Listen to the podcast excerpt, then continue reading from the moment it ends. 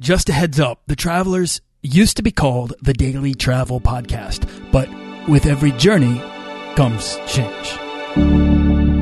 This podcast is produced by Holocene, a community of creative travelers. If you want to get serious about planning that next trip, writing that book, starting that creative project, or launching that business, we're breaking down the barriers between where you are where you want to be together at joinholocene.com. That's join, H O L O C E N E.com. This is episode 120 with Jesse Krieger. Do you want to travel further and more often to visit new places and meet new people and expand the role that travel plays in your life? I'm your guide, Nathaniel Boyle, an explorer that wants to help you get out, see the world, and find meaningful, life changing experiences. Everyone wants to be adventurous and have great stories. To do the stuff of legend. This is the Daily Travel Podcast. Today's free travel resource is going to be my own ebook, The Beginner's Guide to Points and Miles. And I wrote this because I felt like there weren't enough sites out there paying attention to the people who felt overwhelmed. So I put together 10,000 words. That's 40 pages on how to get started traveling for as close to free as possible. This podcast is about crushing the things that prohibit us from making travel a bigger priority in our lives. And cost is at the top. Points and miles are the best way I know to get over that hurdle and become an explorer of the world. This book is yours completely free at dailytravelpodcast.com.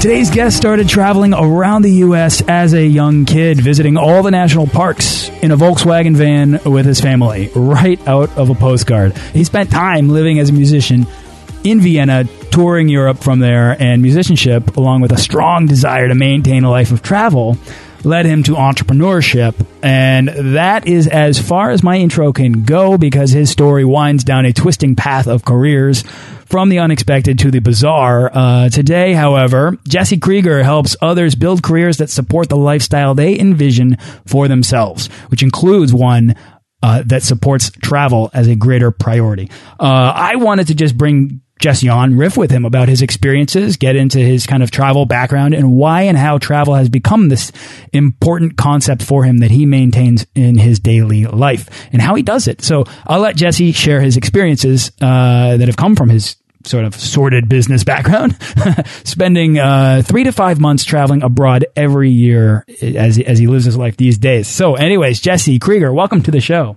Nathaniel, thanks so much for having me. I'm really excited to be here. Awesome. Yeah, I'm excited to have you. So, uh, I, you know, I gave a brief overview of you, but let's break it down. If you could just introduce yourself, you know, tell us who you are and how you got started traveling. Sure. Well, uh, you know, my name's Jesse Krieger, and you know, really throughout my whole adult life, even before then, travel's been just a consistent theme, and it's something I'm very passionate about. Um, I'd say when I really got into this, like wholeheartedly, would be you know from a very young age. Uh, all I really was interested in was was music. I played electric guitar. I had bands throughout high school and growing up, and uh, and shortly afterwards, I went to uh, Los Angeles Music Academy for a one year music program, which was great in many ways, but uh, but mostly so because there was eighty percent international students. So all of a sudden I was getting exposed to people from all around the world and it sparked a an urge to do some some traveling. So at the end of this program, I got an invitation from, you know, five of my good friends growing up to go to Europe for 2 months and just sort of backpack around. All right, so now I'm 19 years old and really just ready to go experience more in the world. And then, uh, as it happens, our flight was for September 15th, 2001. Wow, four days and later. So, so, so what happened was, you know, we're all excited to go. We're packed. We're planning our route. And then boom, the whole world changed. September 11th happened. Nobody then, wants to fly then. Well, yeah, as one of the first thoughts. And then once we realized, you know, everyone we knew was okay and everything, we are like, well, is this trip still going to happen? And eventually we are like, well, you know, we can't do too much uh, about about this. So let's go continue our trip. So we were actually on one of the very first flights out of the U.S. after that. Uh, after that, that added this this unique twist, uh, Nathaniel, because we landed in Europe now and the world was changing, or rather, we were, I was had the ability to reflect back on, you know, I guess what it means to be an American, and now to be an American traveling abroad while you know there's wars underway and everything. Mm. So there's this strange backdrop against this experience of total freedom that uh, that really you know has stuck with me. But focusing on more the the you know the positive yeah. aspects of this, we had an amazing time. Went you know, all over from France down to Italy to the volcanoes off the coast of Italy. And, but at the end, as we were getting ready to go home, we were in Nice, France. It was our last night before we were going to go and get on this train back to Paris and then fly home. And I'd been playing with this idea. I was like, what if I just stayed? You know, what if I didn't go home? What was I going to do? I was 19 I was thinking, what am I going to move back in with my parents? Or certainly seemed a lot more appealing to continue traveling Europe and, and playing music. I had brought a backpacking guitar with me. Long story short, we're, we're coming out of a club in Nice, France about two in the morning, you know, all in good spirits. And then all of a sudden we find ourselves sort of cornered in an alley surrounded by like 10, 10 people. I think they were French, maybe French or Arabic. I don't know. But one thing led to another and we got into a fight and and actually I say a fight, but we really just got our kicked and fortunately nobody was too badly hurt, but you know, we were getting back finally, got got away and everything got sorted. Were they mugging Get, you or what was that? Uh, it was just more of like drunk aggression, I think, and just, you know, sort of boys will be boys type of thing. They weren't like robbing us, but they were trying to pick a fight. At some point, one or two of my friends, you know, bit into it instead of just being the better person. And then it uh, de devolved from there. I remember walking back to our hostel at like three in the morning, bruised and blood on my shirt. And it was just a, a strange and bad scene. Yeah. But I remember thinking uh, the next morning when we woke up, I was like, this isn't how the journey ends. This is not how I'm, I'm going out. And, and I told my friends as we were walking to the train station, I was like, guys, yeah, I think I'm going to stay. And they're like, yeah, yeah, whatever, man. I was like, no, I, I honestly, I think I'm going to stay here in Europe and, and just sort of see what happens and do music. And we're, we're literally on the train platform and they're getting onto the train and I'm standing like, guys, I'm, I'm serious. I'm going to stay. And they almost couldn't believe it, but I remember I can, I can visualize it right now as that train was pulling away and then I was waving and they're like, holy crap, he's not on this train with us. Then all of a sudden, whoosh. And then I was standing alone on this platform with a backpack, a bruised head, a guitar, and I would say, you know, a dream of what life could be like by choosing the road less traveled. Absolutely. I mean, the entirety of the world is open to you at that point. You could go anywhere, you could do anything rather than returning home to a sort of uh, whether or not it's it's limiting or sheltered or whatever, however you want to define it, it isn't. Uh, it is the familiar and it is a comfort zone. And all of a sudden, there you are, and you have this ability to go out and explore and challenge yourself. And I can totally see what your the the mindset that you might have had before when you know, you're you're saying to yourself, I, am not going to go out like this. I'm not going to go home at the low point of my journey because when we, uh, at least I don't know about you, Jesse, but I know that when I travel, I like to challenge myself. I like to find the better version of myself, and I, I don't want to return home having not experienced some degree of growth, some degree of of uh, of success. So if that's where your head's at, you might not be, be like feeling fulfilled after the experience, at least not enough. Yeah, I, I really see that as, um, you know, taking a hard turn, hard, veering hard left in my life. And I've never really, I, know, I never really imagined myself being on a traditional career or life path to begin with, but that moment sort of defines when the real turning away from, you know, what I consider normalcy. and quite frankly, you know, I, have never regretted that for a moment. That decision led to living in Vienna, Austria for the better part of a year. I had met another American who was traveling around playing music and doing just fine. So I was like, look, we, we joined up and started playing shows and playing on the street. And we are living in a student dorm for like 170 euros a month. And, you know, we made that in one show. All of a sudden, I've got this complete freedom, this, this opportunity to sort of go wherever uh, my fancy led. And so we'd play a few shows, make some money, and then go take a week trip. And I saw most of Europe uh, that way by the age of 20, which opened my eyes to, to so much, but also instilled um, a love of, of travel and culture and being abroad that stays with me to this day. This is very romantic sounding. This idea of uh, of living in Vienna as a musician and then taking these trips on a weekly on a weekly basis. At the same time, Jesse, I would imagine musicians don't make a lot. It's probably pretty limiting. It's probably uh, you know tough. You can't just go anywhere, but you could probably go within your budget. I know that's actually jumping off, especially if you go east from there. Uh, you're going to save a lot of money traveling in those countries, uh, or at least your money's going to take you a lot further.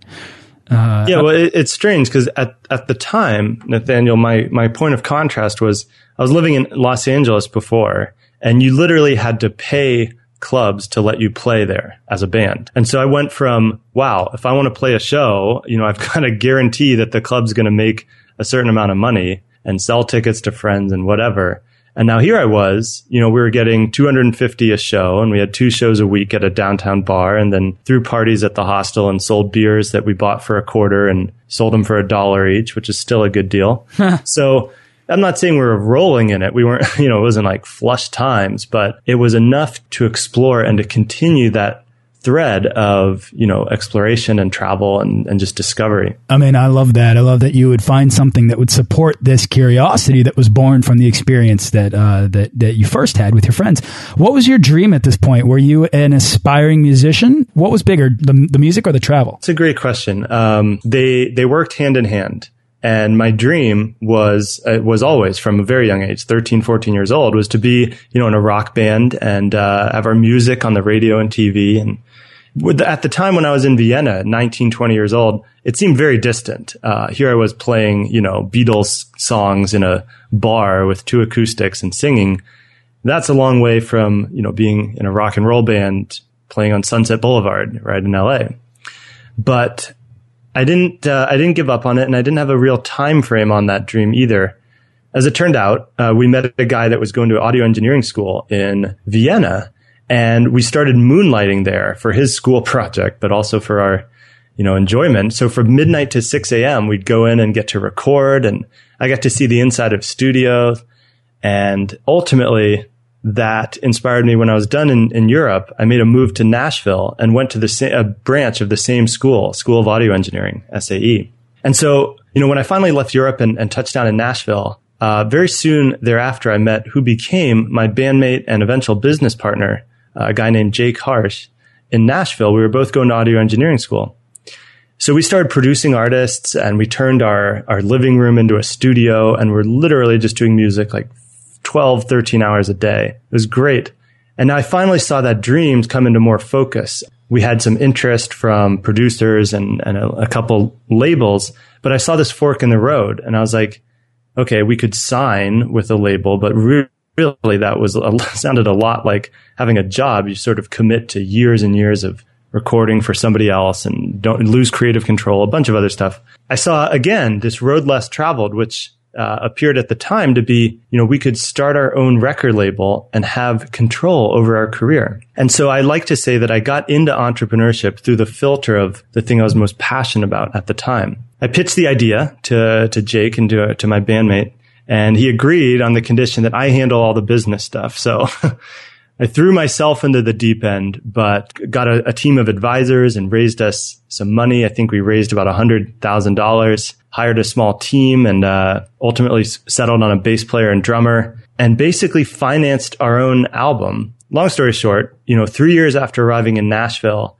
the dream I had from a young age started to come into focus and become a reality as we were now touring the U.S. as a band, playing shows and, um, going as far from Nashville down to Georgia up to Wisconsin and all the way out to California and the, the West Coast. And you know, before we even get into that, and because I do want to ask you about that, but first I want to understand exactly the the step that you took, because this is a big one that you kind of just we just kind of glazed over, but the big one of coming home back from living in Europe as a 19, you know, as a 19 year old to taking that huge step to, to moving to Nashville to try music. That's a bold decision to, to do. Clearly your dream was to be a musician and that is definitely sort of ground zero for, uh, musicianship. And uh, I'm just curious though, like how the relationship to travel, how did that have any effect on your decision to go very swiftly to Nashville? Well, yes. And when I say, you know, when I that that, that turning point, I took a hard left with life and never really went back. I didn't move from Vienna back home to San Francisco. I literally went straight from Vienna to Nashville. I never really like moved back and then made a new decision. This was a continuation of the thread of traveling around Europe, playing music and, and following that further to learn the engineering side of music, uh, with the ultimate goal of supporting, you know, my dream of being uh, a rock musician. I think the parallel was you know, we are traveling around Europe on trains with backpacks, and now we're driving around in a van with the trailer playing shows, and uh, and then you know driving to another city afterwards in the middle of the night. So travel, being on the move, it's been a constant theme. Yeah. Um, well, what's driving that in you? I mean, is it curiosity? Is it is it exposure to new experiences? What is it that you are getting out of this at that point in your life? Oh well, at that point, um, just driven by you know a real lust for life. The the you know we had the opportunity after a lot of work to build the label up and raise money. It was fun. It was a, a very fun to mm. get to travel around to different cities and play shows and meet people and interact with fans. So that that was an end in and of itself. Like that was why we put in the work and did the extra effort to have you know our own label was to get to make those decisions, um, which was hugely rewarding and and it culminated in um, you know we we ended up doing a show out in Los Angeles at the Viper Room on Sunset Boulevard, and it was now four years or so since I had lived in LA, and I was paying you know club owners to play at their clubs, and now here we were with our band name on the marquee at one of the hottest rock clubs at the time, looking across the street at the club where I used to pay to play, and now we're the headliner with you know, people from labels and PR and stuff coming out to check it out.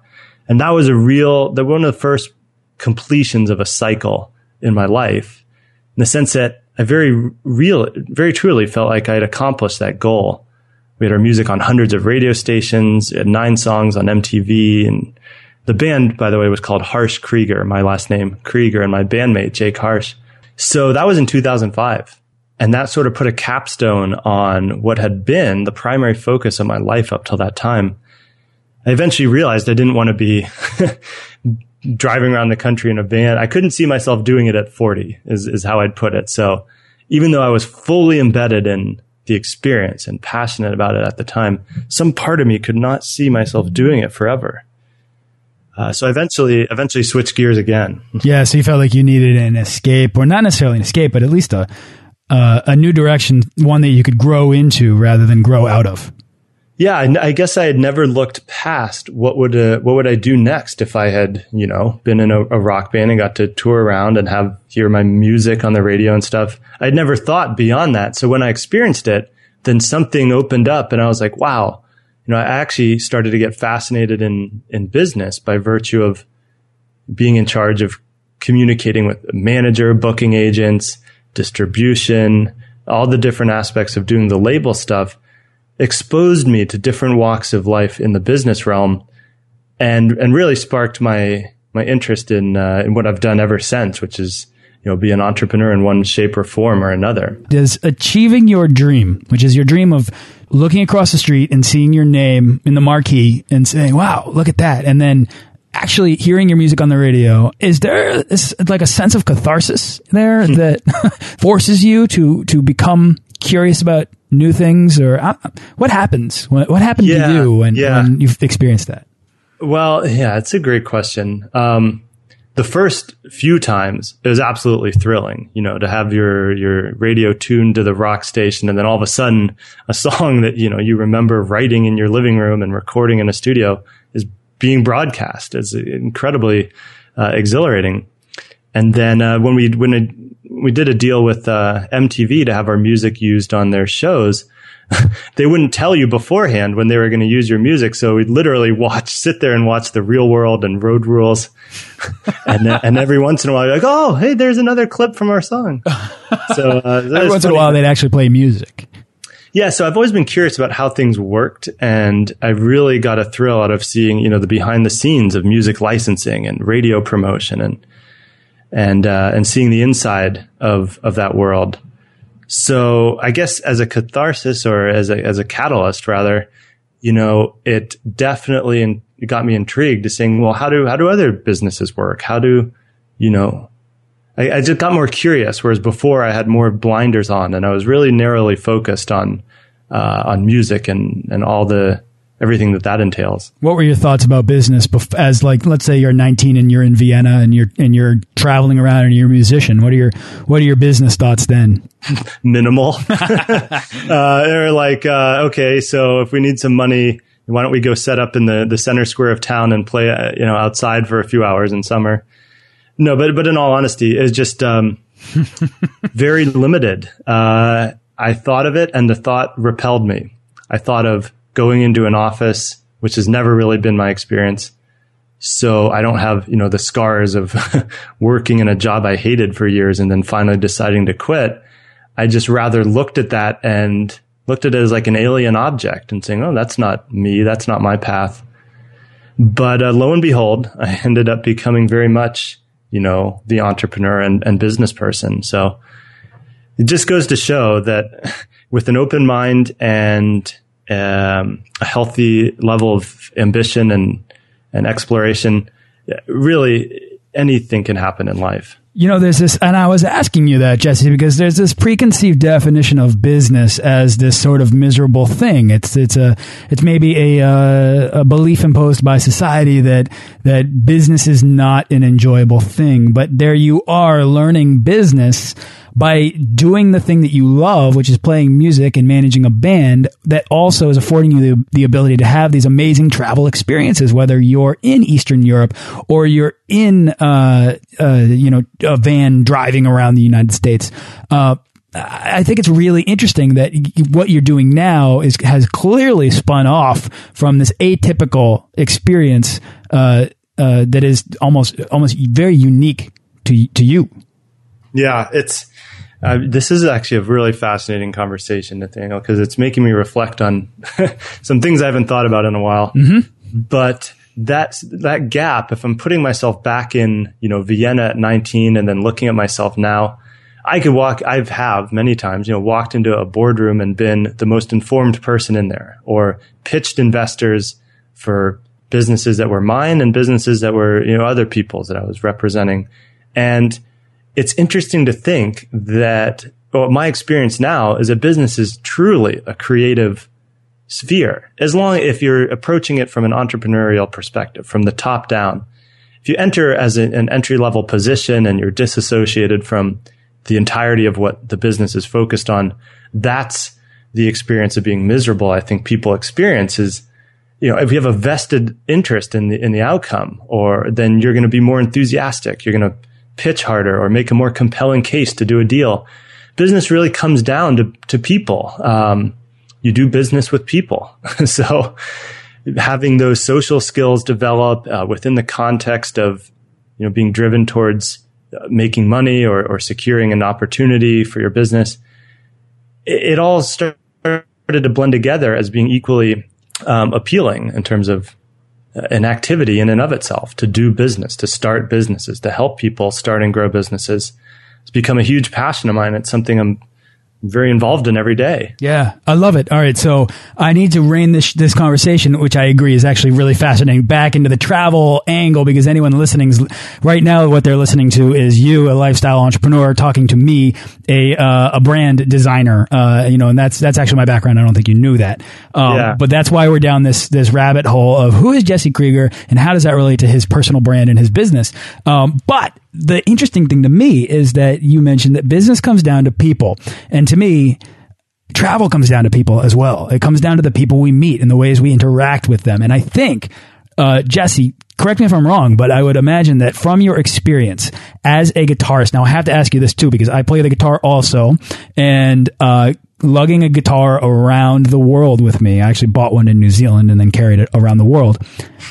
it unlocked a social scene everywhere I went. Oh, people yeah. were like, loves the good. Everybody loves the troubadour. Isn't it? It's uh, amazing. traveling guitarist who can play and sing and make the evening and or or is willing to share his guitar with them. I mean, I, I had completely mind blowing experiences in uh, in Bali or on the Trans Siberian with people who are just like can, can, can I play? Can I, can I just use it? And, and I'm like, sure, take it. It's, it's like a 75 New Zealand dollar guitar that I, you know, bought in Wellington.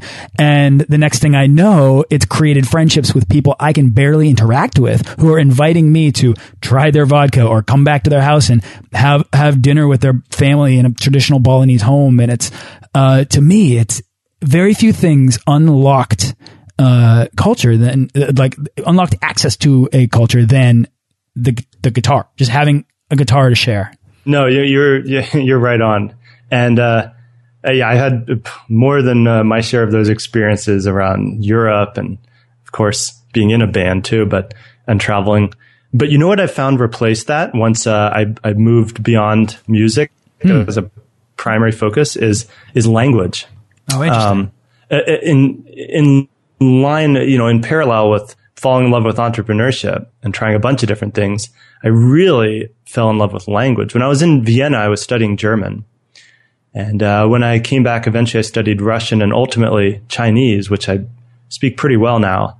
And just like, you know, if you pull out that guitar, uh, it can create a bond with people.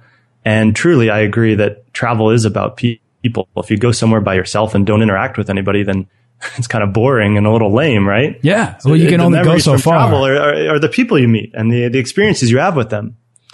And so I became uh, a, a more recent passion of mine is, you know, I love meeting people and knowing that the vast majority of our conversation is in another language. yeah. Uh, those are the coolest. I always remember those being the coolest memories from Vienna was when I met somebody and most of the time we were speaking German. I was like, that's so awesome that you can get to know someone and, and share an experience without using your mother tongue. You know, and, it's true. I mean, it really, the more, if you can speak a language with someone that, uh, affords you the opportunity to sort of expose yourself to that life with someone else. Uh, you know, th there's there's almost a, a different version of yourself that can interact with a different uh, society, a different a different world. I mean, it really yeah. it really is a different conversation when you're speaking the language of the places that you're that you're it's, it's experiencing. So, I mean, so as a here's it, and you don't have to be fluent. So, for anybody that's listening to this, you know, next time you're about to go on a trip, or you know when you have an international trip, even if you spend an hour or two getting some basic phrases and understanding the the structure of the language of the place you're going, it'll amplify your experience of of going there because people appreciate, especially in well, in all countries I've found, you know, if you've even made an effort to learn a little bit about the language or culture, I think it has the same impact of pulling out a guitar, you know, around a around a hostel or a campfire or in a bar. As that same it, it causes that same spark in people to want to interact with you more and, and do more and go deeper. Yeah, I think what it is is a sharing of of culture. It's a very personal thing. Uh, uh, music, food, language. These are things that people get very excited to share with each other.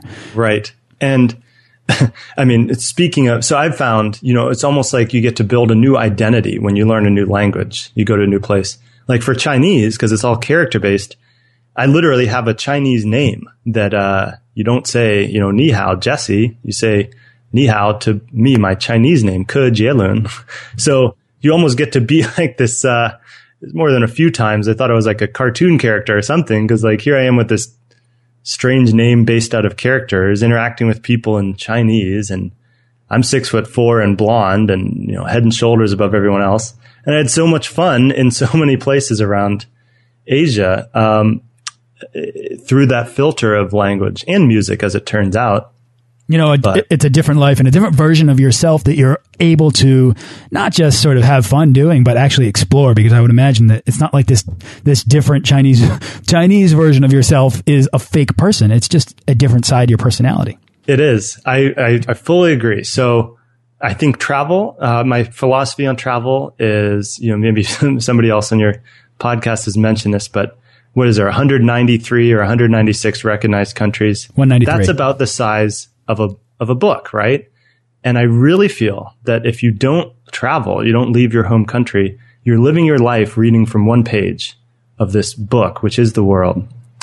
And so that's that right there has always kept the motivation for me to travel and continue exploring. And coupled with the language and the ability to elaborate your identity or expand in different directions through language, through embedding in a different culture. These are the memorable experiences uh, in life. You know, if, if you think back over the last year, probably the most prominent memories are the places you went on a trip or a vacation or the people you met when you were abroad. There's got to be the highlights for almost anybody that's done uh, even a even a decent amount of travel we're starting to run out of time here. I want to be sure to kind of take all of this and these, you know, this language, this background of music, this sort of unconventional path towards entrepreneurship that has sustained a life of travel for yourself, one that you obviously could never let go of. Uh, where has that led you today? What are you up to now? Uh, and, uh, you know, and where does travel fit into the picture? Yeah, yeah, it's a great question. So, I mean, if you, if you think from age 23 when I left Nashville and sort of hung my hat up on music to now I'm 32, there's been a lot that's happened in between, but it's, uh, we'll have to save that for another day. But all the, I've continued to spend, you know, three months a year or so outside of the US traveling abroad, um, for the last half a decade or more. And it's always overlaid with whatever I'm focused on business wise or business wise or professionally. And all that culminated uh, as I was turning 30. I was like, I, I, I, should document this. You know, I've had some pretty cool experiences and I have some things to share. And so I wrote a book, my book, Lifestyle Entrepreneur. Um, live your dreams, ignite your passions, and run your business from anywhere in the world. And true to form, I first released it in Southeast Asia, which gave me a great uh, reason to go travel more over there. now as a published author doing book fairs and signings and stuff. And now it's available wherever books are sold. But it's really a, a summation and a personal statement with strategies on how to do this, this dance that we've been talking about. How do you travel? How do you learn new things, languages, cultures that you're passionate about? How do you exemplify those in your life and build a business that augments that supports it? So that's the question that I tried to answer, and my book is uh, is my my best answer to that to that question, as well as a roadmap for how other people can take a little bit of a left turn with uh, with their life and explore their interests and passions in more creative and engaging ways. So let me ask you then how the big question obviously from that is how do you do it? How does someone go about creating a because now you're now it's you and me here talking and we have both effectively done that. I mean, I, I travel for a similar amount as you uh, as you because I've spent years cultivating a skill that I could freelance and now I'm taking, you know, that and I'm in every decision I uh, make with regards to money, with regards to my time, all of this. It's centered around this burning desire to see the world in the one opportunity that I have to experience everything that's waiting for me to find. Uh, so I'm just curious how what how do you go about helping people? Let's say someone came to you and said, "Hey Jesse, I, I'm picking up your book. I'm going to read it, but I really want to create a life of travel." What's your step one?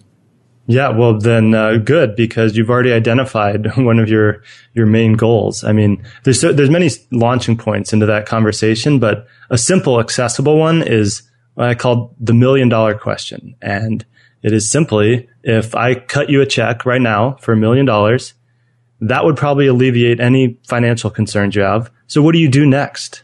What do you do from a place of maximum flexibility and freedom? When you start to answer that question, then it starts to give you the answer towards, uh, you know, what are you working towards and, and, you know, what specifically do you want to be doing? With that in mind, it's much easier to hone in on a business structure, a business focus and industry, a way to set it up and put the systems in place so that it overlays and truly supports that, that broader lifestyle goal that's why, I mean, lifestyle entrepreneur, I, I look at it as using the tools of entrepreneurship towards the end, towards the goal of a lifestyle of travel and creative expression. So it might be beyond the scope of uh, the time we have, but you know, there's is a pretty linear path towards uh, building a business, growing it. Once you've got that initial question answered and you've got a, a compelling enough vision to work towards, to motivate you when inevitably you've got to learn new things or, you know, obstacles arise or whatever. But starting from a place of, you know, passion, truly, but it, but more defined in terms of what would you be doing in, a, in an ideal situation uh, with the million dollar question answered, then, you know, the second half of, of my book goes into the real details of starting, building, growing, and potentially even selling uh, an online business that you can run while exploring those life goals. So, how do you then find out where your uh, passion or where your, you know, where your answer to the million dollar question, where that lines up with how you can actually start a business, right? Like, let's say I love filmmaking and I want to, I want to make films or work in stories. How then do I refine uh, those sort of generalities or those creative ideas into actually something that can make me money and support yeah, my sure. life of travel? Uh, so I, I, recommend, so great. You said filmmaking, right? And then I'd say the next step is to look at the economy of products and services that's grown up around filmmaking. So on the product side, you've got camera, you've got camera gear, you've got software, you've got all the other uh, products that could help filmmakers or you know actually retail or wholesale products that filmmakers use. And you can niche down and there's some research techniques and stuff to determine what some of the best options would be. But you can start to get an idea of what the uh, the product ecosystem looks like that builds off of an interest a passion in filmmaking. Conversely you can look at the services. You could do uh, training for filmmakers. You could do um, an, an information product you could create an ebook you could expl- you could elaborate that interest in any number of ways by, you know, working with people. Uh, so service wise, running workshops, seminars, um, anything along those lines, creating a training program. But it, it, eventually the filter will be, you know, how, what are you comfortable doing so that, so that you still have the, the freedom and flexibility to continue pursuing those life goals and you don't build yourself a, a full time job that then overtakes your ability to to travel or explore. I like that. Now so, let's take let's take filmmaking out of it and let's put travel into it. So for people that are listening that are thinking, I love travel and I, I would love to find a way to travel more and get paid to do it or travel more and, or or do something that affords me the opportunity to experience more of the world.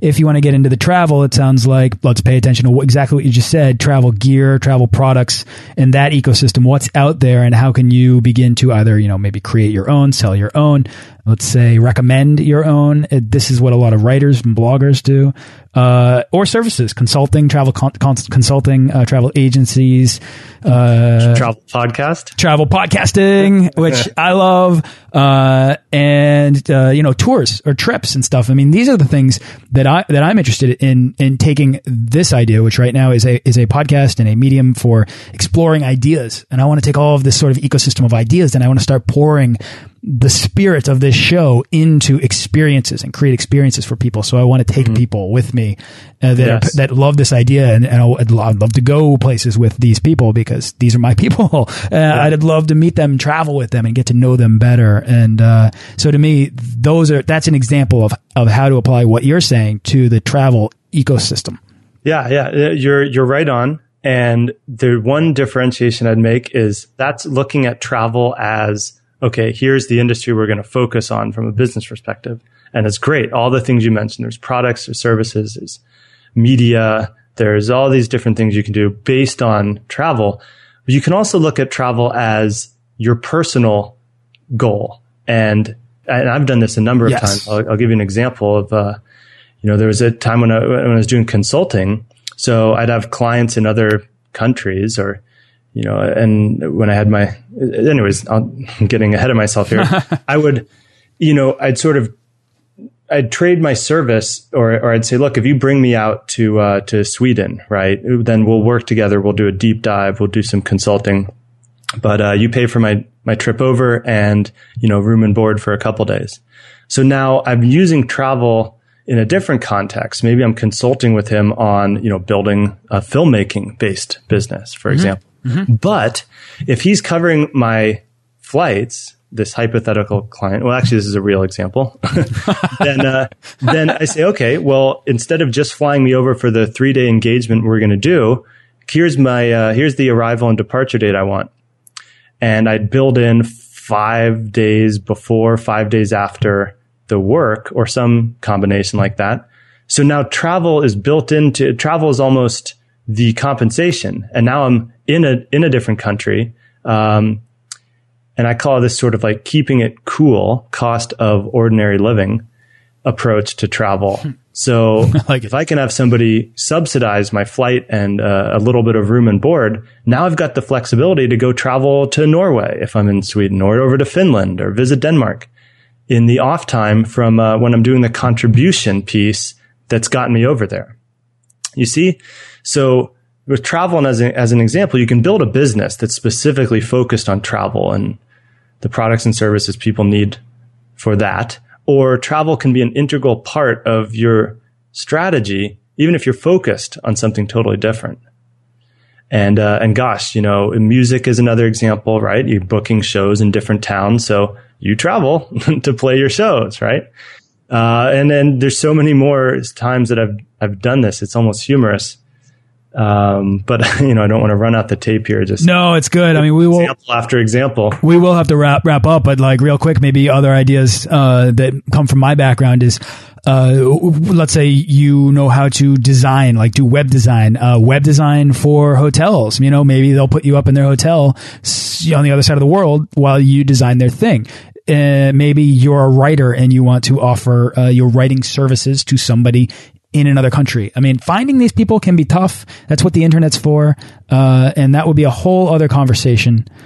Well, here's okay. Let's let's tie this up. Uh, I got a great example here, and I'll give a shout out to my buddy uh, Yarrow, who's who's co-founded Destination Luxury, and uh, talking about filmmaking and travel. Well, he is a great filmmaker and loves to travel, so he started a um, a business where they make like promotional videos for high end hotels. So, hmm, what does that entail?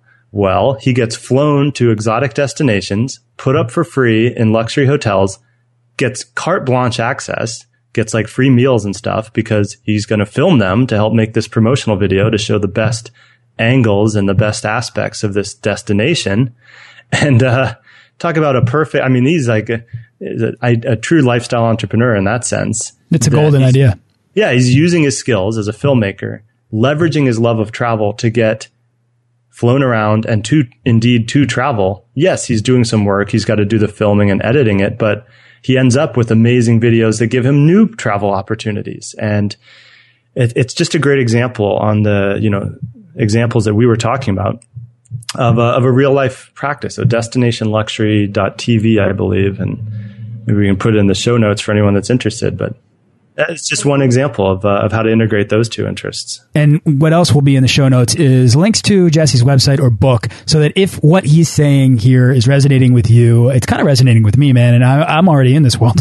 so uh, if, if, it sounds good to you, you know, you can go and you can check out his products or head on over to his website uh, and we'll, we'll, uh, we'll get to those links, but you'll find them in the show notes to this, uh, this uh, episode on dailytravelpodcast.com. Jesse, uh, we do have to wrap up though. Is there anything else that you want to share about life, travel, business, whatever, uh, before we do? Sure. I really appreciate the opportunity. This has been a fascinating conversation, Nathaniel. And I guess as a closing thought, I have, you know, if you're listening to this, I would encourage you to, I would say this, you're not doing anyone a favor by playing small in life. So aim a little higher, dream a little bit bigger, a little more vivid, and think about the, this million dollar question of what would you do with maximum flexibility? If you can start to answer that, and if you turn that into an action plan, you're so on your way. You're more than halfway towards having that lifestyle for yourself. So I just give a strong message of encouragement for everybody listening to this that it is possible. It does take some work, but the reward far outweighs the effort expended. Absolutely. I mean, if you're like me, that answer involves traveling the world. It involves seeing the things that I haven't seen. It involves buying the the tickets that are a little outside of my price range at the moment. Uh, but let that sort of compel you to make your decisions in life. Who knows what will come out of that? Uh, Jesse, awesome. What's exciting you most right now? Where's your next trip, or what's your next project? Uh, my very next trip, I'm heading to Vegas in a couple weeks and going to go super big with some of my best friends.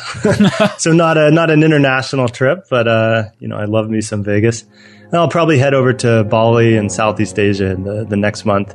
Gorgeous. Um, project I'm most excited about, uh, Lifestyle Entrepreneurs Press, my new publishing arm, and uh, being a platform for other people that embody this ethos of lifestyle and entrepreneurship and have stories and strategies of their own to share. We aim to be the platform to help share those with the world at large. So that's what I'm passionate about now. I love it. All right. So there's a natural relationship between entrepreneurship and travel. Entrepreneurship might not be for everyone, but travel should be. Uh, and I, I like, I feel I owe it to everyone to explore that this sort of uh, this sort of symbiotic relationship that the two can have, uh, so as to you know illuminate the paths that we all have in life. Jesse, where can people go to find out more about you? I would say, uh, look, um, lifestyleentrepreneurs.blog.com. I've got a bunch of great articles and resources there. You can download the first three chapters of my book, Lifestyle Entrepreneur, for free. And, uh, and that's a great place to start. Otherwise, my book's available wherever books are sold. And, you know, for 10 or 12 bucks, you could have a, a book that may change your life. Cool. I can't wait to check it out myself. So, uh, Jesse, you know, Krieger, thank you so much for coming on the show. And uh, I appreciate your, your story is really interesting, man. Like to go from this unconventional musicianship path of, of travel and uh, almost an, an, accidental entrepreneur into exactly what it is you're doing now. It's a very, uh, it's a very likely story given the, the, the unconventional steps you took. Yeah, thanks so much, Nathaniel. This has been a, a great conversation. Yeah, thank you. And thanks everybody for listening go out there and uh, go go out there and explore the world.